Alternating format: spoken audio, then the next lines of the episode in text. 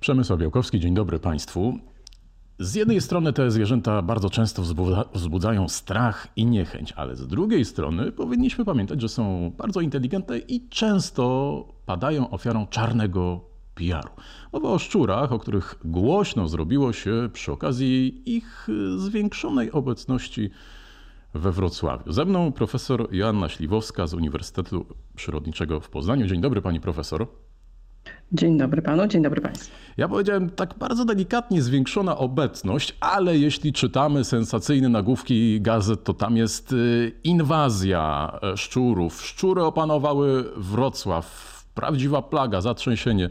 Jak pani czyta takie nagłówki, to co sobie pani myśli? No pewnie jesteśmy częścią, częścią tego świata, świata zwierzęcego i one zawsze nam towarzyszyły.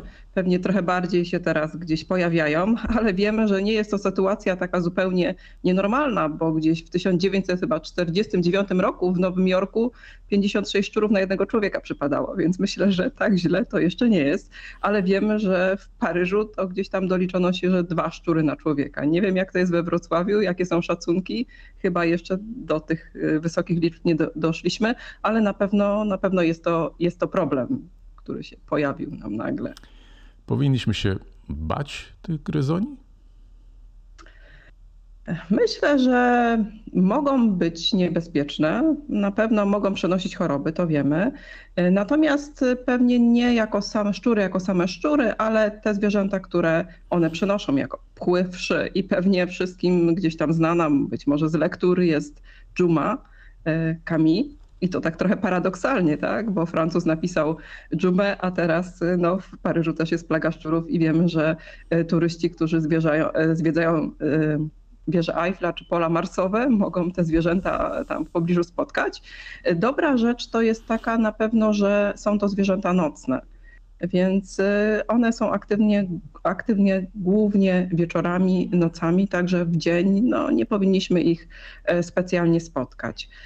Natomiast no, one pewnie się pojawiają co jakiś czas w różnych miejscach. Mieliśmy też taką plagę jakiś może, może miesiąc temu gdzieś w okolicach Gniezna, teraz we Wrocławia, we Wrocławiu, także one są takimi zwierzętami, które też wędrują i pewnie w poszukiwaniu pokarmu, w poszukiwaniu jakichś miejsc lepszych, także będą się pewnie przemieszczać i co jakiś czas będziemy je, e, je widzieli w różnych no, miastach. No właśnie, od czego to e, zależy? Czy nagle Wrocław zaoferował im warunki gastronomiczne tak dobre, że pojawiło się ich znacznie więcej? I...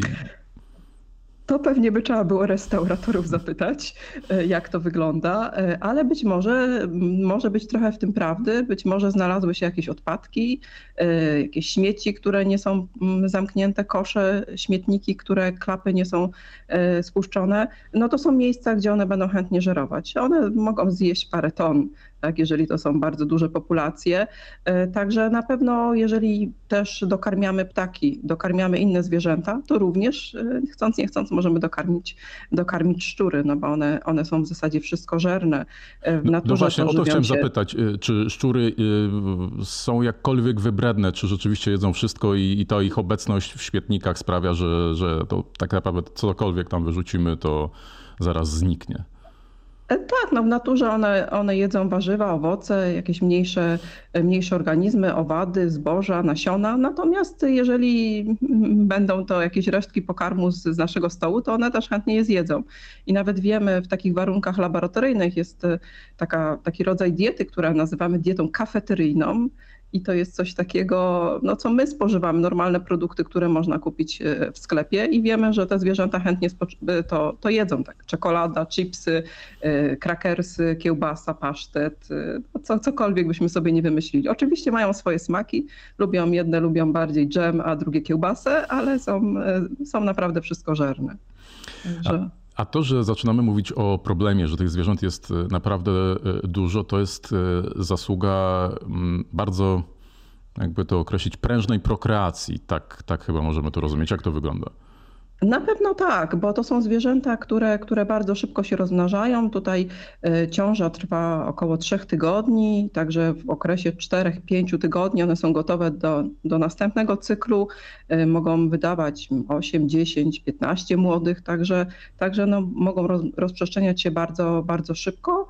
E, no i druga rzecz, że w zasadzie żyją w bardzo różnych warunkach, na wszystkich kontynentach, oprócz Antarktydy możemy je spotkać. I, I na pewno jak już mieszkańcy też Wrocławia i okolic się przekonali, e, no żyją i w piwnicach e, i mogą wejść na trzecie, czwarte, piąte, dziesiąte piętro e, w, w jakichś rurach kanalizacyjnych, w ściekach, gdzieś w takich miejscach, także no te siedliska są bardzo, bardzo różnorodne. Mówi się też o szczurach, że to jeden z niewielu gatunków, który jest w stanie przetrwać apokalipsę, oczywiście w cudzysłowie, bo, bo tak dobrze dostosowuje się właściwie do każdego środowiska. No myślę, że do te, do tutaj moglibyśmy jeszcze karaczany dorzucić do tej grupy, które popularnie nazywamy karaluchem. Natomiast no, wiemy, że na przykład karaczany nawet bez głowy mogą przeżyć. Na pewno szczury i, i, i, i karaczany są tymi organizmami, które są wszędobylskie i przetrwają e, wiele, wiele różnych warunków. To nawet chyba um, Albert Einstein kiedyś powiedział, że gdyby, gdyby szczury były 20 kg większe, to, to by nas tutaj e, pokonały i powiedziały nam, że mamy żyć w, w ściekach kanalizacyjnych. Tak? Także na pewno są to zwierzęta no, takie bardzo inteligentne, zwierzęta socjalne, które żyją w grupach, które sobie pomagają.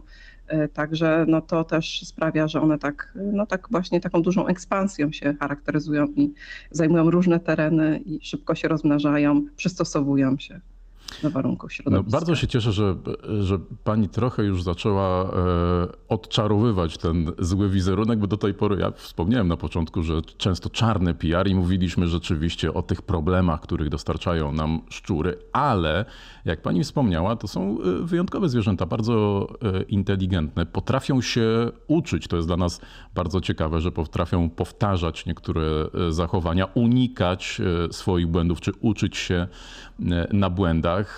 Jak w ogóle to się sprawdza, jak to się bada, jak możemy obserwować ich zachowanie? No na pewno też nie dla, z, tego, z tych powodów też, o których pan redaktor tutaj wspomniał, są to zwierzęta, które często też są stosowane jako zwierzęta modelowe w różnego rodzaju badaniach. Zarówno myszy, jak i szczury.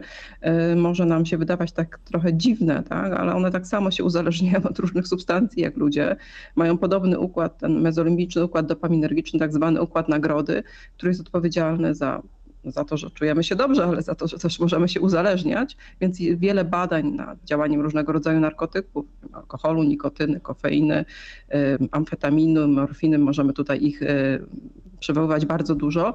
No właśnie w wielu badaniach te, te zwierzęta też są e, stosowane, ale również wiele badań pokazuje, że to są zwierzęta bardzo, bardzo empatyczne i w sytuacjach jakiegoś zagrożenia one sobie pomagają. Było wiele badań na przykład takich, które dotyczą e, nowotworów. Wiemy, że e, kiedy choroba nowotworowa się rozwija i te zwierzęta są chowane w klatkach osobno, to, to ta prognoza i ten rozwój choroby jest o wiele bardziej poważny niż kiedy na przykład te, y, ona się rozwija u, u szczurów, y, które są w grupach. Wtedy one sobie pomagają i, i widać, że no, takie wsparcie społeczne, jeżeli tak możemy powiedzieć, jest bardzo, bardzo duże.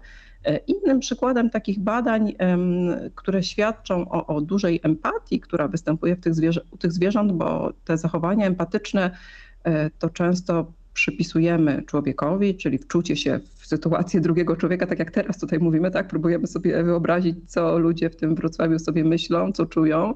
E, natomiast wiemy, że te zachowania empatyczne występują również w świecie zwierząt i pewnie na pierwszy taki myśl nam się e, nasuwają e, gdzieś tam małpy, które, które są gdzieś nam bliskie, ale okazuje się, że te zachowania empatyczne występują również w świecie szczurów. I było taki eksperyment, gdzie e, szczura zamknięto e, w klatce, a w tej klatce jeszcze taką, e, taki, taki plastikowe takie pomieszczenie, w którym zamknięto innego szczura. No i ten, który chodził sobie w tej klatce, ale na zewnątrz, no był gdzieś tam zwabiany kawałkiem czekolady żeby odstąpić od tego kolegi, żeby po prostu gdzieś tam sobie w, w, rogu klatki się pożywić, ale okazało się, że pomimo tego, że, że miał jakiś łakomy kąsek, e, on próbował tego swojego przyjaciela tak, e, gdzieś tam uwolnić. E, no i po tym uwolnieniu obydwoje spałaszowali ten kawałek czekolady. Także na pewno są to zwierzęta, które, które sobie pomagają, są to zwierzęta społeczne i pewnie też dlatego no, taka trudna i nierówna walka jest z nim, jeżeli można tak powiedzieć, bo też pewnie znane jest to, że e, one wysyłają jednego osobnika, jeżeli coś tam się dzieje, tak, i e, jeżeli powiedzmy chcemy jakąś trutkę zastosować, no to będą patrzyły, co się, e, co się z tym osobnikiem dzieje. Jeżeli to jest niebezpieczne, no to wiadomo, że, że już tam w tamtą stronę nie pójdą. No to przechodzimy teraz płynnie do tych niebezpieczeństw i może trochę odpowiemy na oczekiwania czy pytania mieszkańców Wrocławia, czy też innych miast, w których e, szczury stanowią e, problem. Czyli w jaki sposób można się ich pozbyć? Wachlarz pewnie tych metod jest e, dosyć duży, są mniej lub bardziej humanitarne. Co działa, co zadziała na szczury? No mi się przede wszystkim wydaje, że taką pierwszą rzeczą to jest po prostu taka, takie działania protekcyjne, czyli to, co już mówiliśmy, nie wyrzucanie odpadków, e, czy wyrzucanie e, śmieci do śmietników i zamykanie klapy, bo to nie tylko szczury, ale każde inne zwierzęta, które będą przywabione jakimiś zapachami, bo to są zwierzęta gryzonie, które mają bardzo dobrze rozwinięty zmysł węchu. Tak? Tam mają takie z przodu mózgu takie struktury, które nazywamy opuszkami węchowymi. One są bardzo dobrze widoczne u nich, bardzo duże w porównaniu na przykład e, z człowiekiem, także zapach będzie je wabił. Jeżeli będą czuły jakieś zapachy pokarmu, no to będą w tamtą stronę się, się poruszały. To, jest, to, to są takie rzeczy, które nie dokarmiać ptaków, e, może w tym okresie takiej e, wzmożonej właśnie aktywności tych zwierząt, e, nie pozostawiać jakichś resztek jedzeń i to, to takiego, to się dotyczy ludzi, takich mieszkańców, ale również restauratorów, właścicieli jakichś barów, restauracji, żeby te resztki zabezpieczać, czy ze sklepów jakieś resztki, które gdzieś tam się znajdują, żeby włożyć do śmietnika, zamknąć klapę. Również no może nawet takie rzeczy, które nam się wydają dziwne, jak mówiliśmy, że one mogą systemami kanalizacyjnymi się poruszać, także nawet w łazience, gdzieś tam w ubikacjach, wszystkie otwory gdzieś tam, którymi mogłyby się wydostać, e, zamykać. Także takie proste, proste rzeczy i na pewno też te działania, które, które są podejmowane, działania deretyzacyjne, bo wiemy, że tutaj w okolicach Wrocławia no, ten okres deratyzacji znacznie wydłużono, to na pewno będzie też rzecz, która no, pomoże w, w tej walce ale my sami jako mieszkańcy możemy też wiele zrobić. Tak, pani położyła nacisk przede wszystkim na prewencję, czy też może mm, e, przyczyny, a, a nie skutki, ale już jeśli mamy tych, tych szczurów dużo i możemy sobie z nimi poradzić, to zamykanie świetników i tak dalej nie do końca pomaga. E, ja natknąłem się w internecie czytając o, o różnych e, metodach na przykład o odstraszaniu dźwiękami. To zresztą jest też stosowane, nie wiem, choćby na, na krety, jak to działa, na ile to jest skuteczne, czy, czy to jest dobre rozwiązanie? Tak, na pewno to, to może działać. To nawet jest taki był słynny, słynny przypadek, taka pani profesor e, Mary Dolman, ona teraz już jest na emeryturze, to taka e, pani profesor, która, która w Stanach Zjednoczonych zajmuje się zagadnieniami związanymi ze stresem.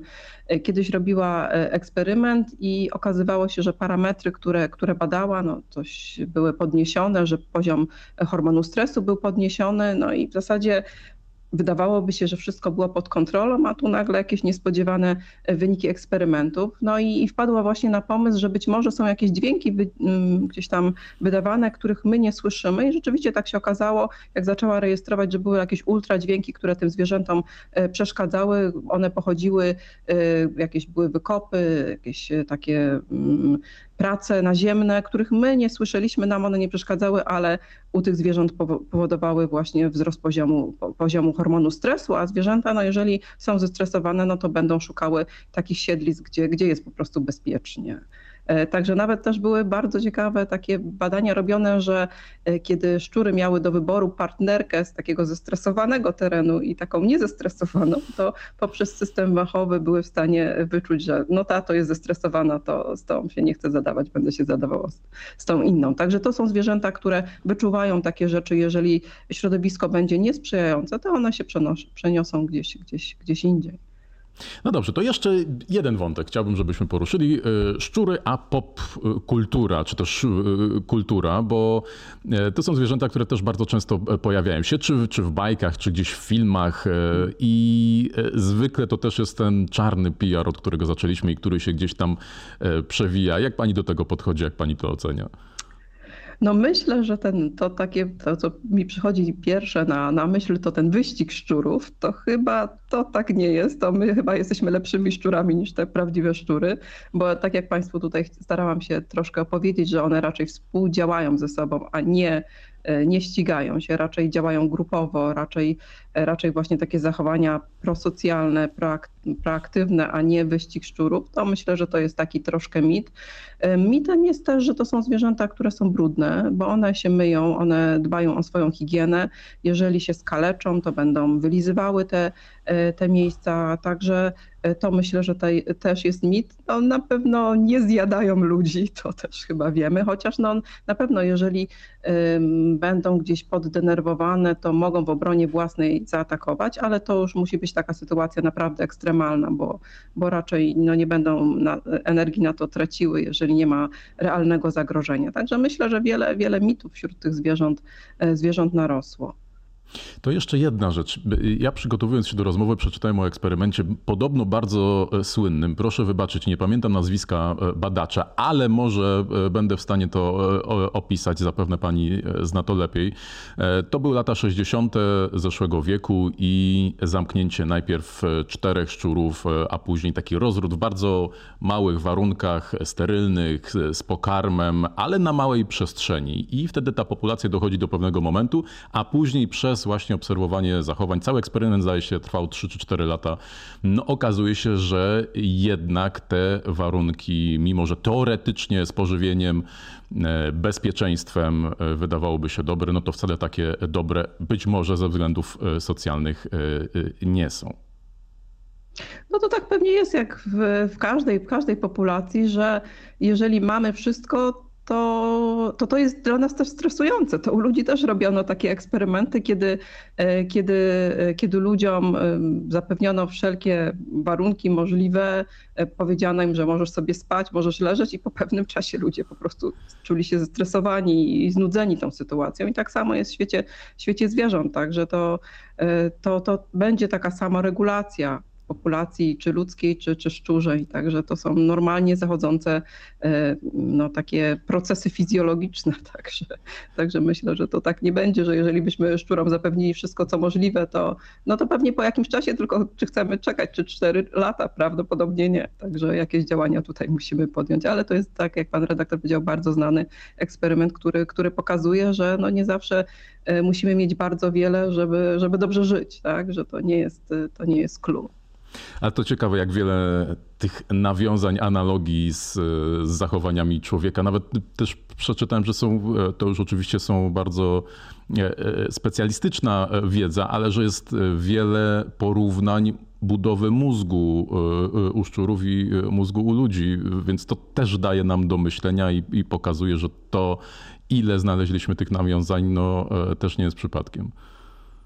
Na pewno nie, na pewno dzielimy wiele rzeczy do, y, z, ze zwierzętami. To nam, no wydaje nam się trochę nieprawdopodobne, to tak może jako też ciekawostkę Państwu powiem, że w pewnych na przykład peptydach czy w pewnych genach mamy 40, 50, 60 homologii, procent homologii na przykład z tym karaczanem, o którym dzisiaj mówiliśmy. Także no to podobieństwo biologiczne, podobieństwo pewnych struktur jest, jest, jest bardzo, bardzo duże. No, jesteśmy częścią przyrody i tylko czasami nam się wydaje, że nad nią panujemy, ale w sytuacjach właśnie takich kataklizmu, jakiś, tak jak teraz obserwujemy, czy koronawirusa, no widzimy, że tylko jesteśmy jej częścią i czasami tylko mamy nad, władzę nad tą przyrodą, ale też no, nie taką absolutną władzę. No to może następnym razem przy takim spotkaniu oko w oko ze szczurem warto będzie sobie o tym przypomnieć. Pięknie Pani dziękuję za rozmowę. Profesor Joanna dziękuję, Śliwowska, Uniwersytet Przyrodniczy w Poznaniu. Bardzo dziękuję. Państwu też dziękuję, zapraszam i zachęcam do oglądania kolejnych odcinków wideokastu w Zielonej Interii. Przemysł Białkowski, kłaniam się nisko, do widzenia, do zobaczenia.